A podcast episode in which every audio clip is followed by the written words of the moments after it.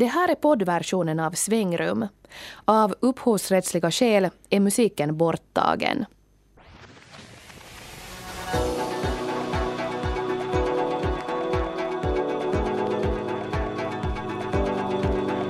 Kan man lära sig att bli lycklig? Och är det verkligen lyckan som gör livet värt att leva?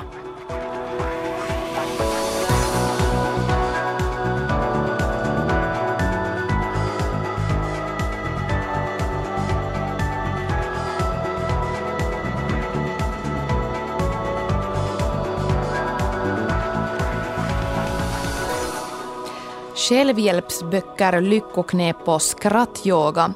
Den som vill arbeta aktivt för att öka sin lyckonivå har många knep att ta till i dagens samhälle. Men är det ett vettigt projekt att fokusera på sin egen lycka och hur mycket kan man påverka hur lycklig man är?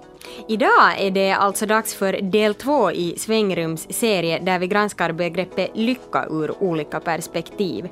Idag ska vi bland annat höra Sveriges främsta lyckoforskare som är djupt kritisk till det som han säger den själviska och omoraliska lyckojakten.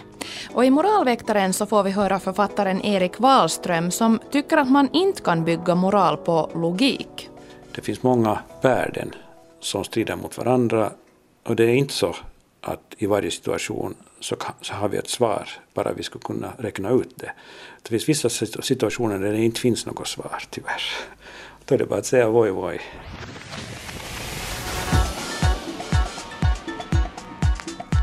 Ja, det här var alltså författaren Erik Wahlström och vi som sitter här i studion är Kira Schröder, Linda Grönqvist och Nanette-Marie Forström.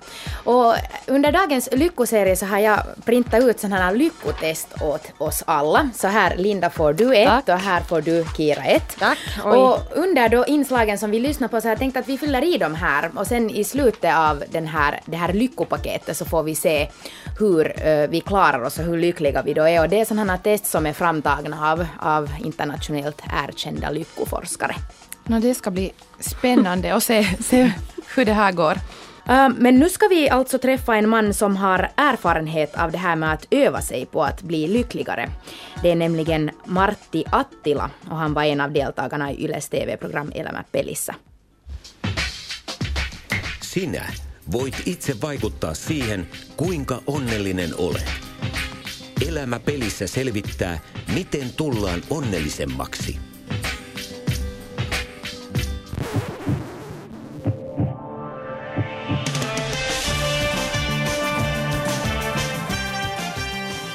I TV-programmet Elämä pelissä som snurrar på Yles kanal 1 hösten 2009 kunde tittarna följa med fem personer som under ett halvt års tid skulle lära sig att bli lyckligare. En av dem var då 60 år gamla Martti Attila från Esbo. Martti Attila on 60-vuotias espoolainen. Koulutukseltaan Martti on farmakologian tohtori. Martti on tehnyt koko uransa ajan akateemisia pätkätöitä aina professuuriin asti. Pari vuotta sitten hän sai elämänsä ensimmäisen vakituisen työpaikan yksityisestä lääkefirmasta. Vuoden alussa tuli karuja uutisia. Martti sai potkut. Då inspelningarna av Elämä pelissä började hade Martti Attila precis fått sparken från sitt första fasta jobb någonsin. Idag, drygt ett år efter TV-programmets slut, är Martti fortfarande arbetslös. Och jag träffar honom hemma i hans hus i Esbo för att fråga varför han ville delta i programmet. Ja, det, jag hade en situation att jag hade nyss blivit arbetslös och tänkte få något positivt att tänka. Jag var van vid att nästan varje vecka jag lärde att en 60-årig akademiker har svårt att hitta ny meningsfullt arbete. Och därtill som forskare jag var nyfiken att lära hur de, deras metoder kunde användas på ett vetenskapligt sätt.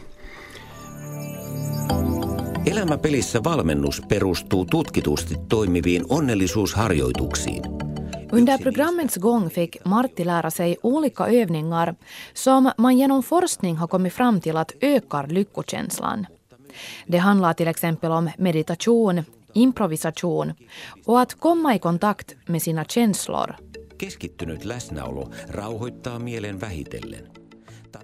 Om du tänker tillbaka på, på allt du lärde dig och så här, vad har kännats mest värdefullt?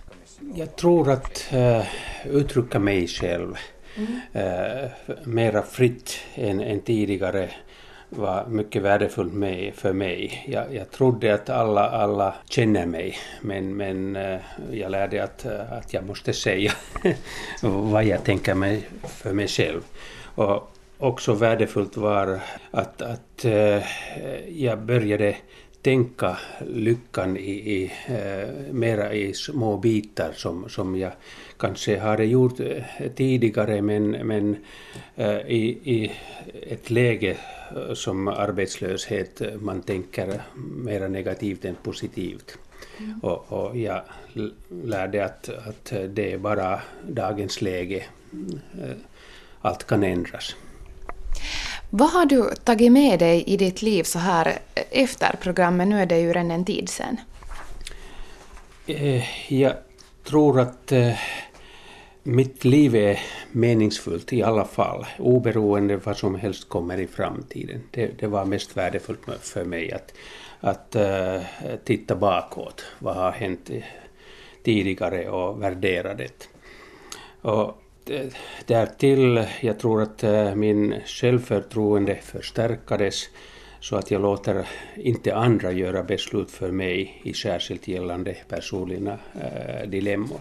Och jag undviker tigandet om mina personliga åsikter, i särskilt när dessa skiljer från andras mm. synpunkt.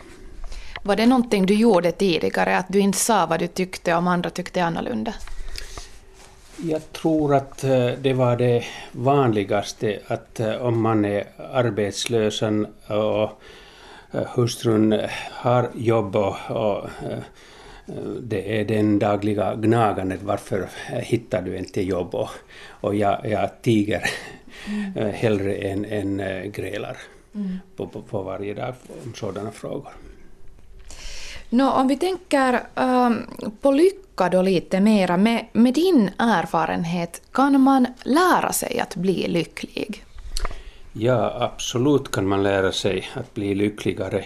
I särskilt gäller det att vända ett olyckligt händelse till strävan efter ett mera positivt laddat sätt att se sin fram, framtid.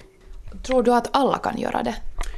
Ja, ja det tror jag. Det beror bara att man hittar viljan att göra det. Räcker det så att säga med vilja? Kan man med, eh, med just att öva sig att tänka på ett visst sätt bli lycklig? Eh, jag tror att det här programmet hjälpte mig att, att fatta att man kan sitta i sin bekymmer och, och inte, inte hitta vägen ut. Och där behövs andra människor eller, eller övningar eller vad som helst som uh, visar att, att, att vägen ut är nära. Loistavaa! Ihan loistavaa! Hyvä! Oliko siinä mitään erikoista? Hyvä Martti! Hyvä! Miten sanoin hyvä Martti? Hyvä Martti! Mulla on potentiaalia. Sussa on! Sä saat olla semmoinen kuin sä oot. Mm. Mutta jos susta tuntuu, että nyt olisi kiva vähän isommin, mm. niin sitten oot. Etkä nyt, no eihän sitä nyt kuitenkaan ihminen tässä. Mm. I början av programmet fick alla deltagare fylla i ett lyckotest. I det fick Martti bara 50 poäng av 100. När Martti gjorde om testet i slutet av programmet hade poängsumman höjts till 77. Martti blev alltså lyckligare under programmets gång. Men egentligen så tycker inte Martti att själva ordet lycka är särskilt bra i det här sammanhanget.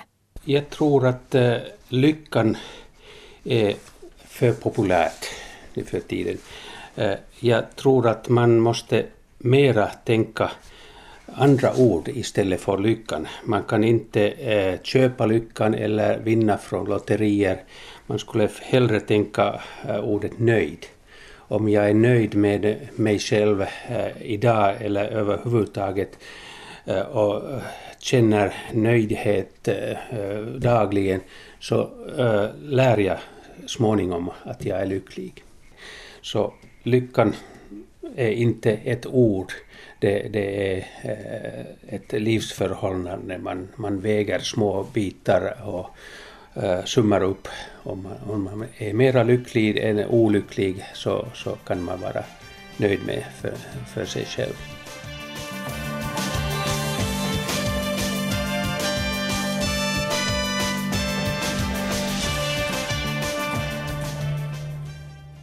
Ja, där hörde vi alltså Martti Attila som hade deltagit i det här Yles program Elämä pelissä. Och jag tänkte på det här, utgångspunkten för Martti var ju då att han var arbetslös. Och det här arbetet tror jag att det är någonting som vi ofta värderar ganska mycket. Att det är viktigt för att må bra säger man ofta att man, att man har ett arbete som man trivs med. Dels att man tycker om det man gör, men också kanske att man har ett socialt sammanhang och, och rutiner och någonting att gå till varje dag. Ja, och sen tror jag just här i Norden så, så klassar vi just arbete väldigt högt. Att det kanske har att göra med det här lutherska arvet om att arbete är en av de största dygderna för människan. Och, och vi mäter kanske vårt eget värde men också andras i det arbete mm. de gör. Och det är också en av de första frågor jag frågar när jag träffar en ny människa. Men vad sysslar du med liksom? Ja, mot ja. den bakgrunden är det ju lite konstigt att det här lyckotestet inte innehåller en enda fråga om just arbete. Nej. Nej, faktiskt inte. Sen å andra sidan så tror jag nog att arbete också i det moderna samhället kan vara någonting i värsta fall som orsakar ganska mycket på sätt och vis olycka också. Att även om arbete i sig är bra så arbetstakten eller kanske kollegorna eller den pressen och, och kanske de, att man måste offra familjen eller sina fritidssysselsättningar eller sömnen eller någonting annat så kan säkert också göra att även om, om det är givande i sig så kan det ha ett, ett ganska stort pris mm. också. Eh, men eh, det går ju alltså då tydligen, åtminstone enligt Martti Attila, att göra sig lyckligare. Det är han ett exempel på. Och det bekräftar också den lyckoexpert som vi har talat med, nämligen moralfilosofen Bengt Brylle. Men han vill vända på steken och frågar om det verkligen är det viktigaste vi kan göra med våra liv, alltså att maximera vår egen lycka. Det går att göra sig själv lyckligare. Eh, däremot så anser jag att det är ett omoraliskt företag. Då att den här strävan kan innebära att man fokuserar för mycket på sig själv och för lite på andra. Är det verkligen lyckan som är poängen med vårt liv? Är lyckan det enda som gör livet värt att leva och är det vettigt att satsa mycket tid, energi och pengar på att maximera den egna lyckan? Det frågar sig moralfilosofen Bengt Brylde som brukar kallas för Sveriges främsta lyckoforskare. I sin senaste bok Hur viktigt är det att vara lycklig tar han steget vidare och säger att vi snarare borde fokusera på att leva ett meningsfullt och moraliskt liv än bara ett lyckligt liv för oss själva. Men om vi börjar med det individuella lyckoprojektet så är det inte särdeles enkelt att göra sig själv lyckligare. Bengt Brylde är väldigt kritisk till många av de självhjälpsböcker som till exempel erbjuder oss tio steg mot ett lyckligare liv.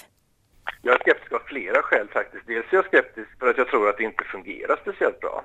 Alltså jag, jag vet att det, fin det finns ju självhjälpsböcker som är vetenskapligt grundade, som är baserade på lyckoforskning.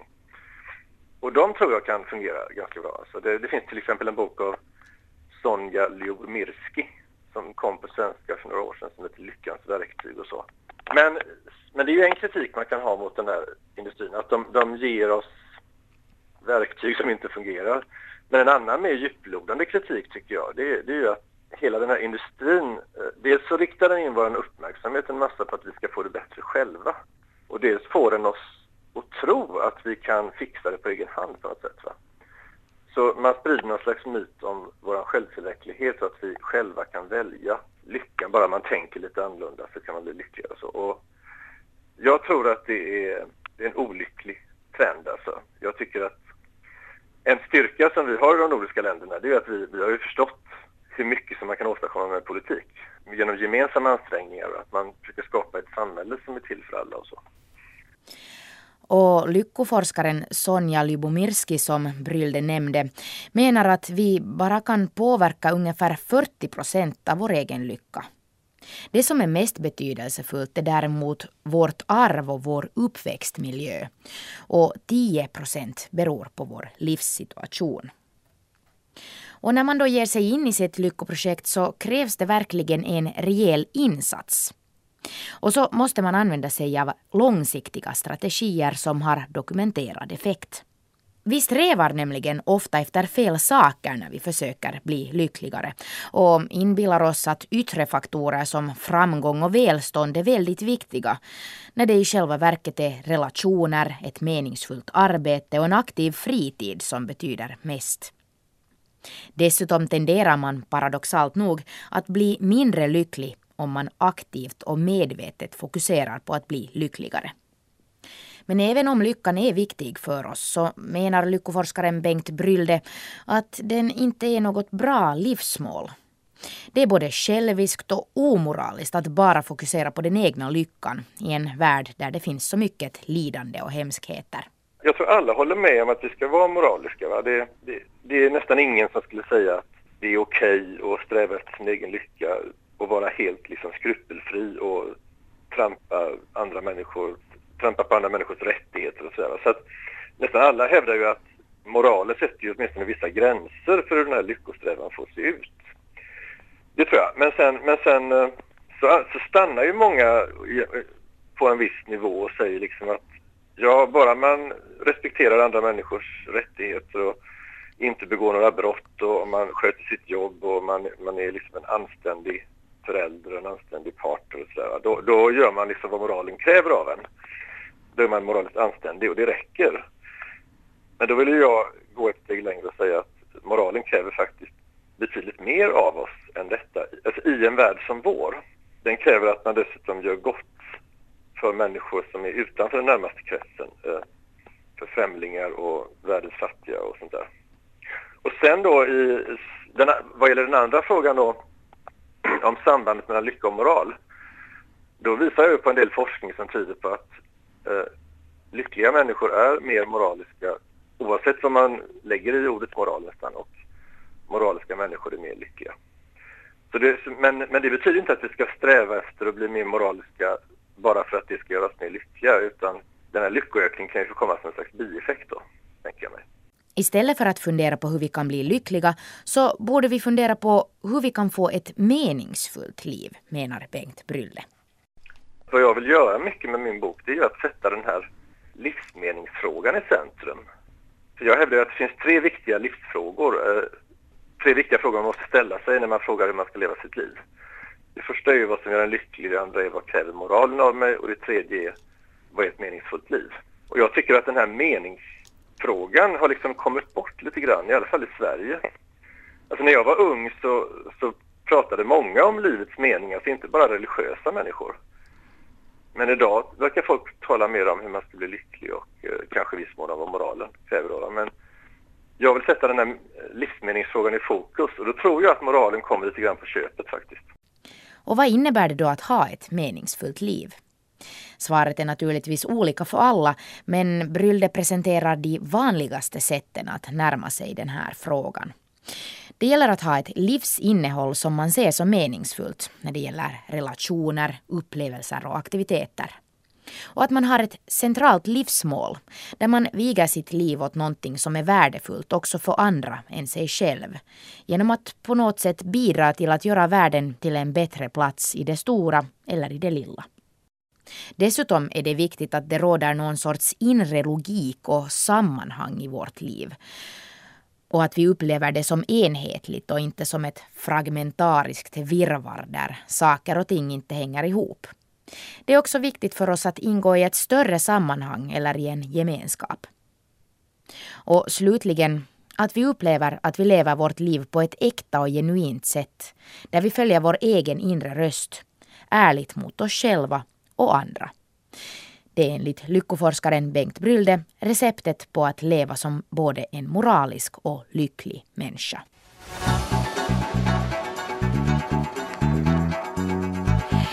Ja, här hade vi ju en svensk lyckoforskare och de här lyckotesterna som vi nu har suttit och fyllt i, de är ju faktiskt också svenska. Vi har hittat dem på Svenska Dagbladets webbsidor.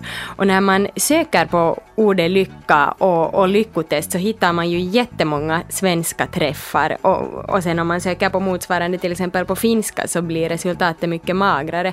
Jag undrar om det är på något sätt så att, att den här äh, lyckojakten är på något sätt mera mera ett svenskt fenomen. Mm, det kan ju hända. I Sverige så finns det ju också kritiker till det här lyckohysterin. Till mm. exempel mm. Mia Skäringer, hon som är känd från Solsidan.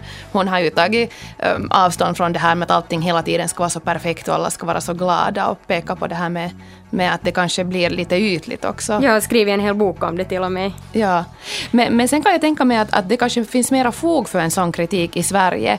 Att i Finland, där ganska, vi ändå kanske har en lite så här melankolisk folksjäl och, och, tradition så, så kanske det mera finns ett behov av att lä, helt enkelt lära människor att tänka mer positivt och, och se helt enkelt mer optimistiskt på sin vardag och på sitt liv. Ja. Mm. Hur är det med er? Hur melankoliska eller sprittande lyckliga är ni? Har ni kommit långt i ert lyckotest? Jag tror att jag har gjort allting men jag verkar ju inte sådär. jag tycker jag verkar överraskande i så fall. Kanske inte direkt olycklig men jag får 3,79 poäng och om man är mellan, de här poängerna går det tydligen från 1 till 6 och om man är mellan 3 och 4 så varken särskilt lycklig eller olycklig. Det är samma som jag. Ja, och de säger då att du skulle förmodligen ha nytta av att göra olika övningar som går ut på att höja din lyckonivå. Tips på sådana kommer senare i Svenska Dagbladets serie. Mm. Ja, jag tycks ju då vara den lyckligaste av, av oss tre för att jag fick faktiskt 3,9 men nu vet jag inte, jag har ju inte de här resultaten här att vad, vad, innebär nu den här siffran då? Eh, jo, då kan vi ju avrunda det till fyra. Du är ganska lycklig i så fall. Har du mm, fått 4,3 är du som folk är mest. Men det innebär inte att du inte kan arbeta på att få det ännu på att få ett ännu lyckligare, bättre och mer meningsfullt liv. Man kan ju kanske tänka sig att de här poängerna nu inte egentligen är sådana som man ska hänga upp sig på att har man nu fått någon decimal mer eller mindre än den andra. Men, men det kan ju nog ge en vink om vissa delområden i ens liv som man kanske borde fokusera lite mm. mera på. Att, att många av de här frågorna gällde ju just sånt här om man är stressad eller trött och om man, om man uppskattar saker i ens vardag, om man är tillfreds med sig själv och, och sin mm. omgivning. Och, och om man då får jättedåliga poäng på de här fronterna så kanske man kan, kan, kanske man kan ställa sig frågan ifall det är något man borde ändra. Mm. Sen finns här vissa frågor som också ju är väldigt på något sätt mångtydiga. Att jag upplever inte att det finns någon särskild mening eller syfte med mitt liv. Man kan ju tolka det som att mitt liv är helt svart och, och meningslöst på det sättet men man kan ju också tolka det som att, vet ni, att jag inte har någon sär, särskild uppgift, att jag inte är liksom hitsänd av Gud typ eller så. Mm. Och det beror ju lite på hur man tolkar den, kanske också hur man svarar och vad man sen får för poäng i i deras test. Sen är här ju vissa frågor som alltså är rena överdrifter, som till exempel jag är alltid engagerad och intresserad. Nå, om till exempel jag är nu normalt ganska intresserad och engagerad, men träffar ni mig på en söndag förmiddag så kan jag säga att jag är inte alls intresserad eller engagerad. Samma sak med det här, jag hyser varma känslor för nästan alla människor. Vem gör nu det? Alltså på riktigt. Kanske jag... du borde om du ska bli en lyckligare människa. Ja, men jag tror nog att, att det är inte ens meningen att man ska gå omkring och hysa varma varma känslor för alla som kommer emot en på gatan. Ja, nej, det här kan man ju kanske säga att den som får jättehöga poäng i det här så eh, tenderar säkert att vara en lite självgod människa då, om den nu verkligen hela tiden älskar alla människor. Och fast jag tycker att det är ju helt bra att man kommer bort från den här jantelagen och det här att man förminskar sig själv, så ett litet mått av anspråkslöshet så upplever åtminstone jag nog som närmast sympatiskt. Sen om man tittar på de här alltså resultaten, så om man får sex poäng så, så är resultatet för lycklig. Ja, du läste rätt. Om man uppfattar sig som totalt lycklig finns det en risk för att man har brister i sin verklighetssyn. Eller att man är så optimistisk att man fattar dumma beslut. Eller att man inte tar nog med hänsyn till sina medmänniskor. Så att de håller tydligen nog med dig på någon punkt där, Linda. Jättebra. Hurra! No, men om ni vill kolla er lyckonivå så, så postar vi länkar till Svenska Dagbladets lyckotest på vår egen blogg svenska.yle.fi svangrum.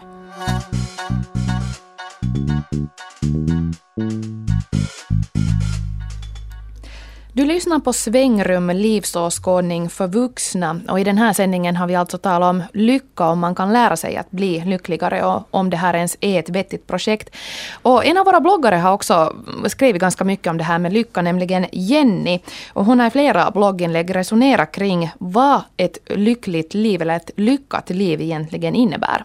Jo, i det senaste inlägget så skriver hon om det här med att många är, ofta skeptiskt inställda till, sådana människor som verkar vara för optimistiska eller glada hela tiden. Och hon hade själv en av hennes bästa vänner så hade först inte alls tyckt om henne för att hon trodde liksom att att Jenny hela tiden spelar på något vis jätteglad. Ja, den här vännen hade väl liksom helt enkelt uppfattat Jenny som falsk. Men förutom eh, Jennys blogg som då finns eh, på svängrumbloggen på svenska.yle.fi svangrum så finns det ju också en massa annat intressant eh, yle-material eh, på Yle Arenan. Och där finns eh, ett samhällsprogram som heter Granskat eh, som sändes här i veckan på Radio Vega eh, med redaktör Anvi Gardberg som den här veckan handlar om bibelkuppen där lågstadieskolor tävlar i detaljerad bibelkunskap. Det är liksom mycket med religion just nu liksom när det är bibelkuppen och sådär. Liksom. Jag läser varje dag för, det, för jag vill veta vad som har hänt då, för det är intressant. Helena Sandberg håller i trådarna på Kyrkans central för det svenska arbetet. När man ska skriva en modersmålsuppsats så ska man ha ett tema, det ska handla om någonting. Så då skriver de om någonting som har med Bibeln att göra? Om läraren vill göra det på det viset det passar in, så är det upp till dem. Raul Granqvist, sekulär humanist, har skrivit kritiska artiklar om bibelkuppen. Vad gör församlingarna i skolan? Vad gör prästerna i skolan? Läraren ska vara i skolan och undervisa om de här sakerna. Och, och eh, därmed också ska undervisningen utgå från en slags kritisk förhållning och en mångsidig förhållningssätt Ja, det här fenomenet med att kyrkan kommer in lite så här bakvägen i skolan, det finns också i Sverige. Och senare i vår så kommer vi bland annat att träffa en svensk kvinna som har startat en religionskritisk tidskrift just på grund av det obehag som hon kände eh, gentemot olika former av så här smygreligiös propaganda eh, som hon kom i kontakt med via sina söners skolor. Ja, vi här på Svängrum kommer också att ta itu med den här så kallade konfessionslösa religionsundervisningen i skolorna under vårens lopp.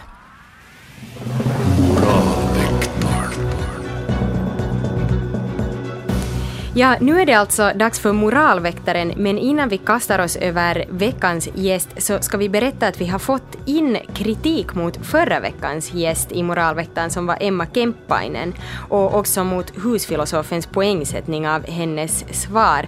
Gå gärna in på vår blogg på svenska.yle.fi svangrum och läs vad det är som har gjort vår lyssnare Niklas Häggblom så upprörd. Och där på samma ställe hittar ni också vår husfilosof Sebastian Bergholms svar svar på det här.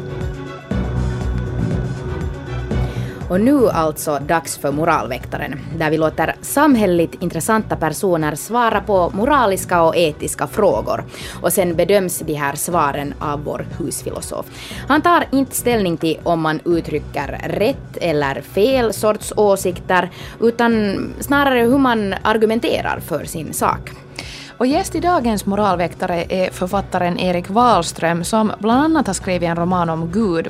Och han är faktiskt också lite kritisk till en del av konceptet i moralväktaren. Jo, så här reagerar han när vi berättar om de här lite lekfulla bedömningskriterierna eh, där svaren bedöms bland annat just för hur logiskt de hänger ihop. Um, det känns lite skrämmande när du talar om logik för att um, logik är en farlig sak inom moraldiskussionen. Många stora katastrofer har skett när man har tänkt att moral är logiskt. Eh, till exempel inom stalinismen, eh, nazismen och inkvisitionen och sådär. Att ehm, när, när en, en sån här logik kommer i konflikt med, säg, familjevärderingar, så hamnar du i en situation där en, en stalinistisk ungdom anger sina föräldrar för att hemma ha, ha det där diskutera antistalinistiska åsikter. Så att eh, det blir, leder lätt till totalitära samhällen om man ska vara helt logisk när man tänker på moral. Det här var en väldigt intressant synpunkt och säkert för oss också med tanke på det här programkonceptet. Men om vi ändå ställer frågorna, uh, om du är redo? Jo, jag, jag är redo. Jag går med på det här. Jo. Finns det någonting som man kan kalla universella moraliska principer som man kan kräva att alla människor följer? No, det finns en princip som kallas den gyllene regeln eh, som finns i alla religioner egentligen. Det är formulerat på olika sätt men, men, eh, och Jesus formulerade den också, Sokrates sa det alltså att man ska göra åt andra så som man vill att de ska göra åt en själv. Så att den gyllene regeln finns överallt. Och det finns en lite urvattnad variant som har kallats ibland silverregeln som säger att Konfucius hade den där, eller Konfutse, att det där man inte får göra åt andra sånt som man inte vill att de ska göra åt en själv. Så det är liksom en negativ, lite mm. passivare formulering. Men jag skulle nog säga att det där är en universell moralisk regel. Jo. Um, är det rätt att undanta vissa grupper från till exempel de uh, universella mänskliga rättigheterna på grund av till exempel religiösa regler inom deras egen grupp som kan stå i konflikt till de här mänskliga rättigheterna? Det, det tycker jag inte. Eh, det är brännande aktuellt nu eh, när, när muslimer invandrar allt mera, islam alltså växer i Europa, så Frankrike kämpar med det här. Och, och så har vi fallen av hedersmord som har funnits då i Sverige och i Finland också, överallt. Där en gammal sån här eh, patriarkalisk agrikulturell eh, stil eller moral eh, kommer i konflikt med med nordisk eller västeuropeisk upplysning. Och jag tycker att eh, man ska kräva att, att de regler som vi har här ska följas också av invandrare. Jag, tycker inte att man ska göra undantag. Det finns eh, så lite lindrigare missförhållanden kanske är frågan om omskärelse. Så det där, mm, jag tycker att omskärelse, alltså naturligtvis av omskärelse av flickor men, men också av pojkar tycker jag är ett ingrepp som, som man inte där borde tillåta. Men eftersom det finns i, i, i de här judendomen och islam så, så har det fått liksom ett sådant, eh, har det blivit liksom tillåtet ändå.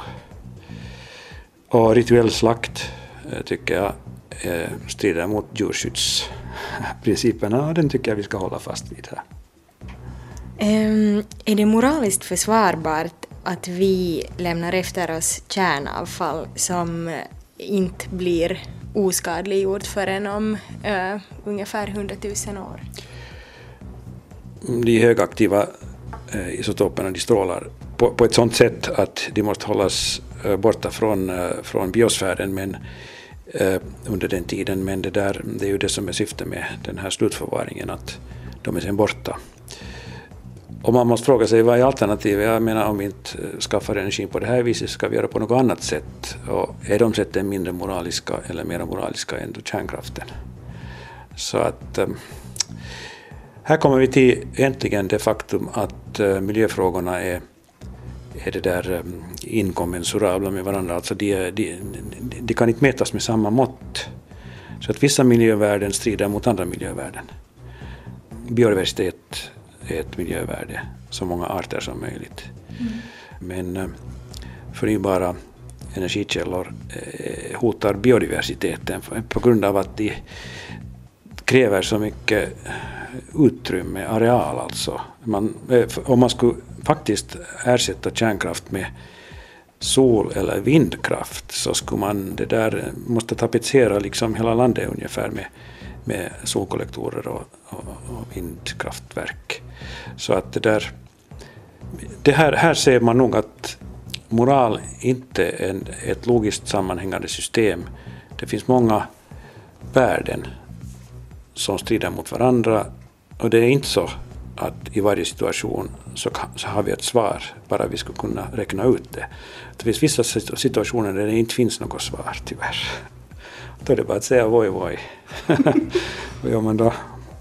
Men alltså kärnkraftavfallet alltså ska deponeras säkert under den här tidsperioden. Och det, där, det blir då en teknisk och geologisk fråga så att det där, jag skulle inte rekommendera att man deponerar det vid Japans östkust. Men är ditt svar i teorin ändå ja, att det är moraliskt? Det är moraliskt tillåtet, jo. Mm. Jo, under de här förutsättningarna som jag sa. Om det är den bästa lösningen så är det moraliskt tillåtet och den bästa lösningen måste man kalkylera tekniskt och politiskt. Mm. Okay.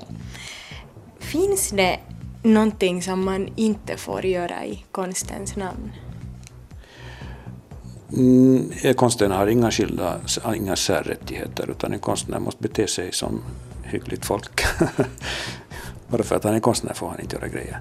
Så att den här, den här mannen som, som då dödade en katt, tror jag det blev legendariskt här, för att han gjorde en sån här video av det, så, så tycker jag gjorde fel. Han begick ett, ett brott, ett moraliskt brott, precis på samma sätt som om någon annan skulle ha dödat den här katten. Är det rätt att förbjuda utomstående att antingen kritisera eller till och med driva med religionsheliga skrifter eller figurer? Ja, jag tycker det måste vara tillåtet att, att skämta med, med sånt. Um, i princip. Alltså, eh, jag har själv skämtat med, med religion i den här romanen Gud. Um, det där, eh, risken för den som, som gör det är ju att han, han liksom profilerar sig som en, en vulgär och, och, och korkad individ. Men det där, man får absolut inte ge rätt åt någon att själv deklarera detta är religion, alltså är det fridlyst. För att då kommer vi en situation när man, när man bara helt enkelt kan, kan stoppa debatt om, om vad som helst genom att deklarera att det här är religion. Jag tycker inte att religiösa övertygelser ska respekteras mer än några andra övertygelser. Alltså jag har det här, jag återkommer till, till omskärelse i, i den här romanen Gud som jag har skrivit så så skämtar jag då med omskärelse och förhudar och sådär. För att när jag läste då Bibeln så insåg jag vilken enorm roll omskärelsen har i, i Moseböckerna. Alltså det är faktiskt en grundpelare för judendomen. Eh, vi tycker inte om att prata om det för det, det verkar så pinsamt och, och löjligt på något sätt. Men, men, men, men, för judarna är det en, eller var det, eh, en jättegrej. Och, och det där eh, jag tycker att om man vill komma ifrån det, jag tycker att det är stympning, alltså könsstympning, så, så det där måste man kunna använda konstens medel att göra det. Så att man får skämta eh, grovt om, om omskärelse, om förhudar som jag gör för att det där komma åt det här missförhållandet. Det får inte finnas någonting fridlyst. Hur kändes det att svara på de här frågorna? Det kändes bra för att eh, jag har alltid varit intresserad av moral. Och det där gått kanske från i min ungdom från just en sån här ståndpunkt som jag kritiserar, liksom tron på att man kan tänka logiskt om moralfrågor. Och att det kan finnas uh, system som, som kan liksom alltid ge svar när man är i ett dilemma. Som till exempel utilitarismen, alltså en sån här lära som säger att, att uh, det är konsekvenserna av en handling som definierar om den är god eller, eller, eller ond. att man känner igen en god handling på att den i, i, i slutrakan så har den ökat eh, njutningen i universum mera än den andra handlingen. Och det tycker ju jag fortfarande är fallet, men eh, tyvärr är det så att man inte kan kalkylera det här i praktiken. Så att, där, så att med tiden så kommer man till att, att det ligger någonting ändå i den här andra, andra idén, den här deontologiska idén, att, att handlingar liksom i sig äh, är goda eller onda mm. oberoende av konsekvenser. Det kommer fram i frågan om, om det är rätt att döda eller inte döda en, en människa under något som helst omständigheter. Att en utilitarist kan säga att ja, det är rätt att döda den här personen om man kan uppnå en, en, en större lycka. Till exempel den terrorist som har gömt en bomb. Om du kan hota honom med död eller tortera honom så om du får reda på var bomben finns så har du ändå räddat så många människoliv. Eller om du står framför Hitler med en laddad pistol så ska du skjuta honom. Men det där um, deontologen säger då att nej, det är handlingen Eh, handlingen att skjuta någon eller tortera någon är ond i sig, så man får inte begå den oberoende av konsekvenserna av det här. Så det finns den här spänningen mellan de här två synerna och jag tror nog att ändå att en sån här deontologisk syn är den som till slut vinner eftersom utilitarismen förutsätter att man vet vad som kommer att hända i framtiden. Och det vet man mm, inte. Ja. man kan inte kalkylera det. Mm, mm. Eh, på vår lekfulla skala från 1 till 5, vad tror du att vår husfilosof kommer att ge dig? Jag tror att han kommer att ge mig en femma. Eh, för att det där, om inte han gör det så ger jag inte honom heller en femma utan jag, jag ger honom ett lägre vitsord. Det här är den här um, strategin tit for tat som används i, i där, många sådana moralanalyser. Spelteori.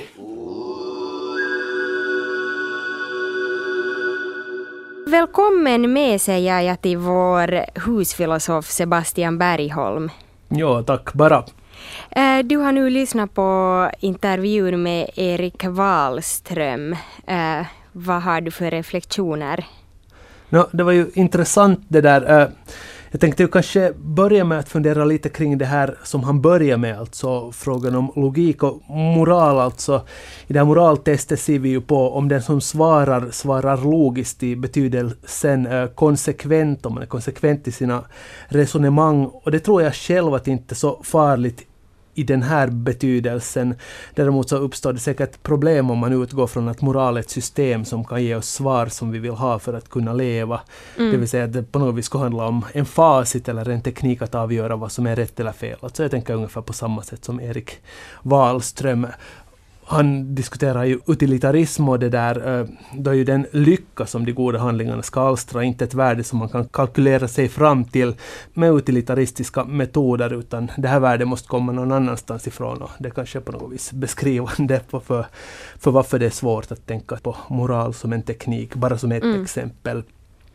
Men att alltså ja, det här med logik och betydelsen vara konsekvent. Eh, om man som Wallström då anser att den här gyllene regeln uttrycker någonting viktigt eller riktigt i moralisk mening så handlar det ju om någon slags medmänsklighet, insikt om människans värdefullhet eller hur man nu vill uttrycka det som står för, som grund för det här. Eh, att behandla andra som man själv vill, vill bli behandlad handlar väl om någon slags förståelse om vad det betyder att själv utsättas för orättvisa. Och då stalinisten eller nazisten handlar konsekvent, är det kanske inte konsekventa handlandet som är problemet utan mm. de människofientliga värdena eller en blindhet för andra människor som är problemet. Eh, mm. För man kan säkert tänka sig att någon är konsekvent god, behandlar andra bra, då är inte logiska något problem om man, följer, om, om man tycker att den här gyllene regeln är, är någonting som är beskrivande för, för moral eller något universellt viktigt.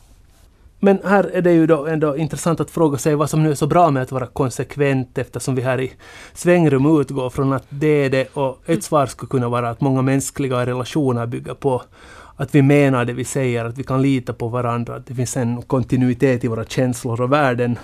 Jag tänkte så här att hur ska vi förhålla oss till någon som säger sig älska sin fru var tredje dag, eller som mm. varannan dag avskyr invandrare och varannan jobbar för dem och så här. Mm. Uh, och, ja, jag vill väl säga att logik i betydelsen att ens handlingar och tankar är konsekventa, inte ett problem.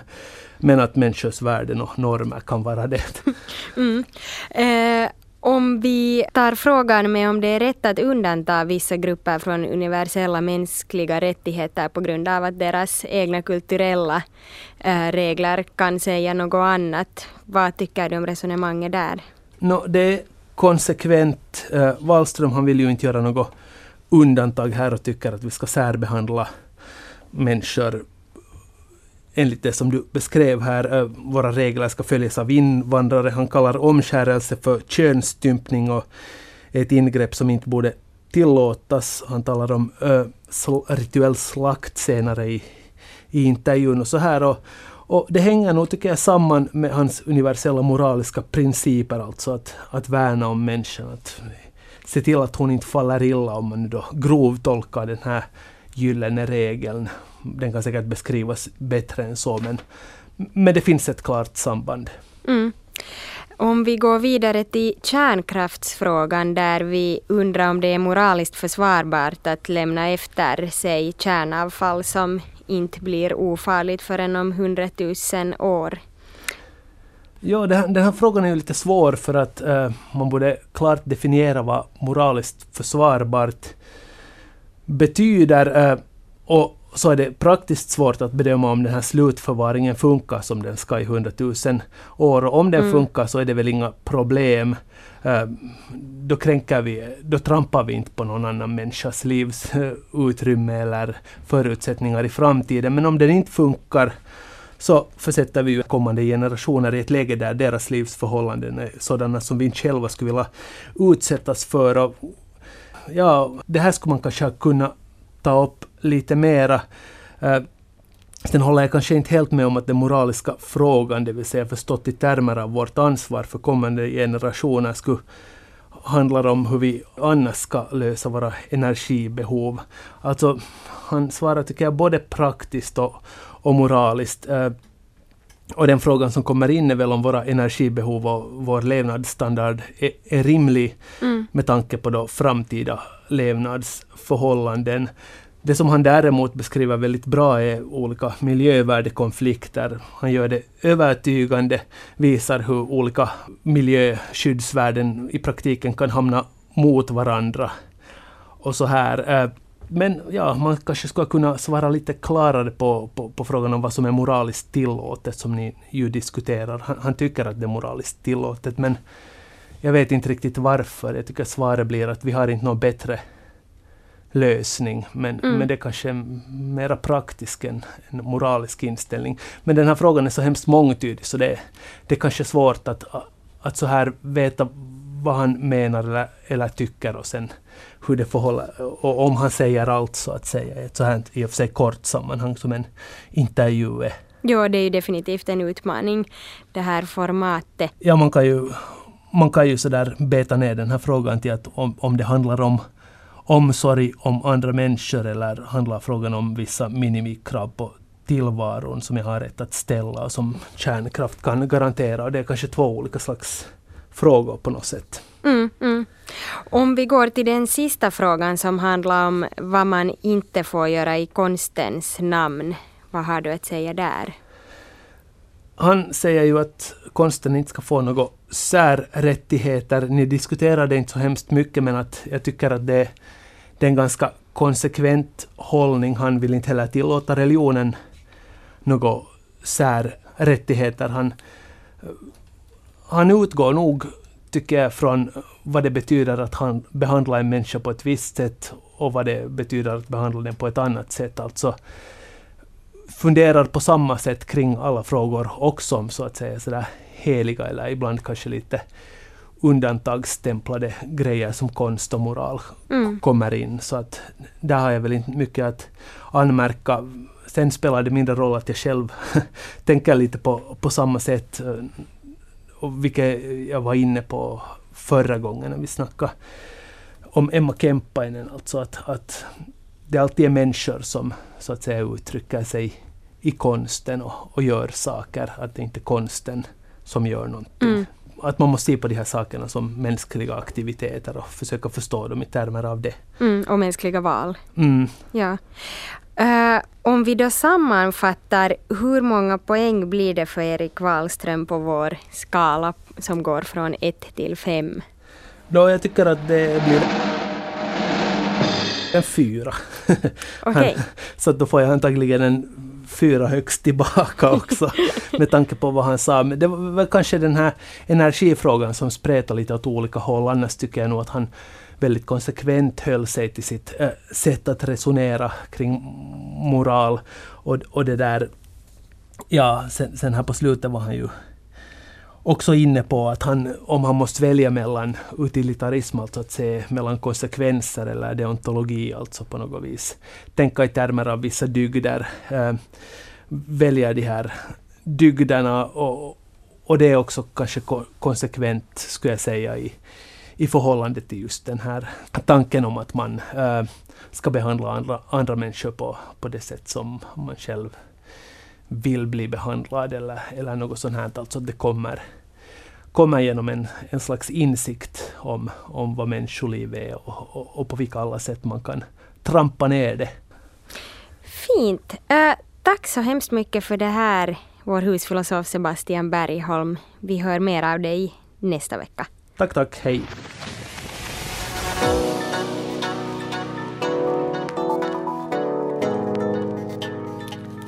I nästa veckas svängrum så ska det handla om mångkultur. Hur skapar vi jämlikhet mellan folk som på grund av sitt ursprung har olika förutsättningar för att klara sig i livet, frågar vi oss då. Ja, vissa tycker ju att samhällets dolda maktstrukturer kräver någon sorts särbehandling av minoriteter, men det tycker inte den svenska debattören Dilsa Demirbag Sten. Hon är för ett multikulturellt samhälle, men samtidigt är hon kritisk till det som hon kallar kallar normativ multikulturalism. Normerande multikulturalism det är när staten eh, definierar människor i grupp och sen eh, utformar reformer, lagstiftning utifrån en idé, en föreställning om de olika gruppers specifika behov. Och det sätter vi oss kraftigt emot. Eh, då vi anser att statens uppgift är att behandla alla lika, varken mer eller mindre. Vi har alltså olika argument både för och emot särbehandling på gruppnivå. Och så ska vi besöka Rinkebyskolan utanför Stockholm där nästan alla elever har utländska rötter och där mångkultur är en del av vardagen. Det är bra att det är många från olika länder så att man lär, alltså man lär sig att liksom kunna respektera alla. Och... Alltså man blir, sådär, man blir nyfiken på vad andra är för religioner och allt sånt där. Så det är roligt faktiskt.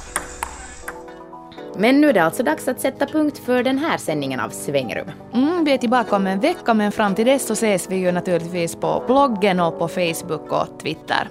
Hej då! Hej hej! Hej hej!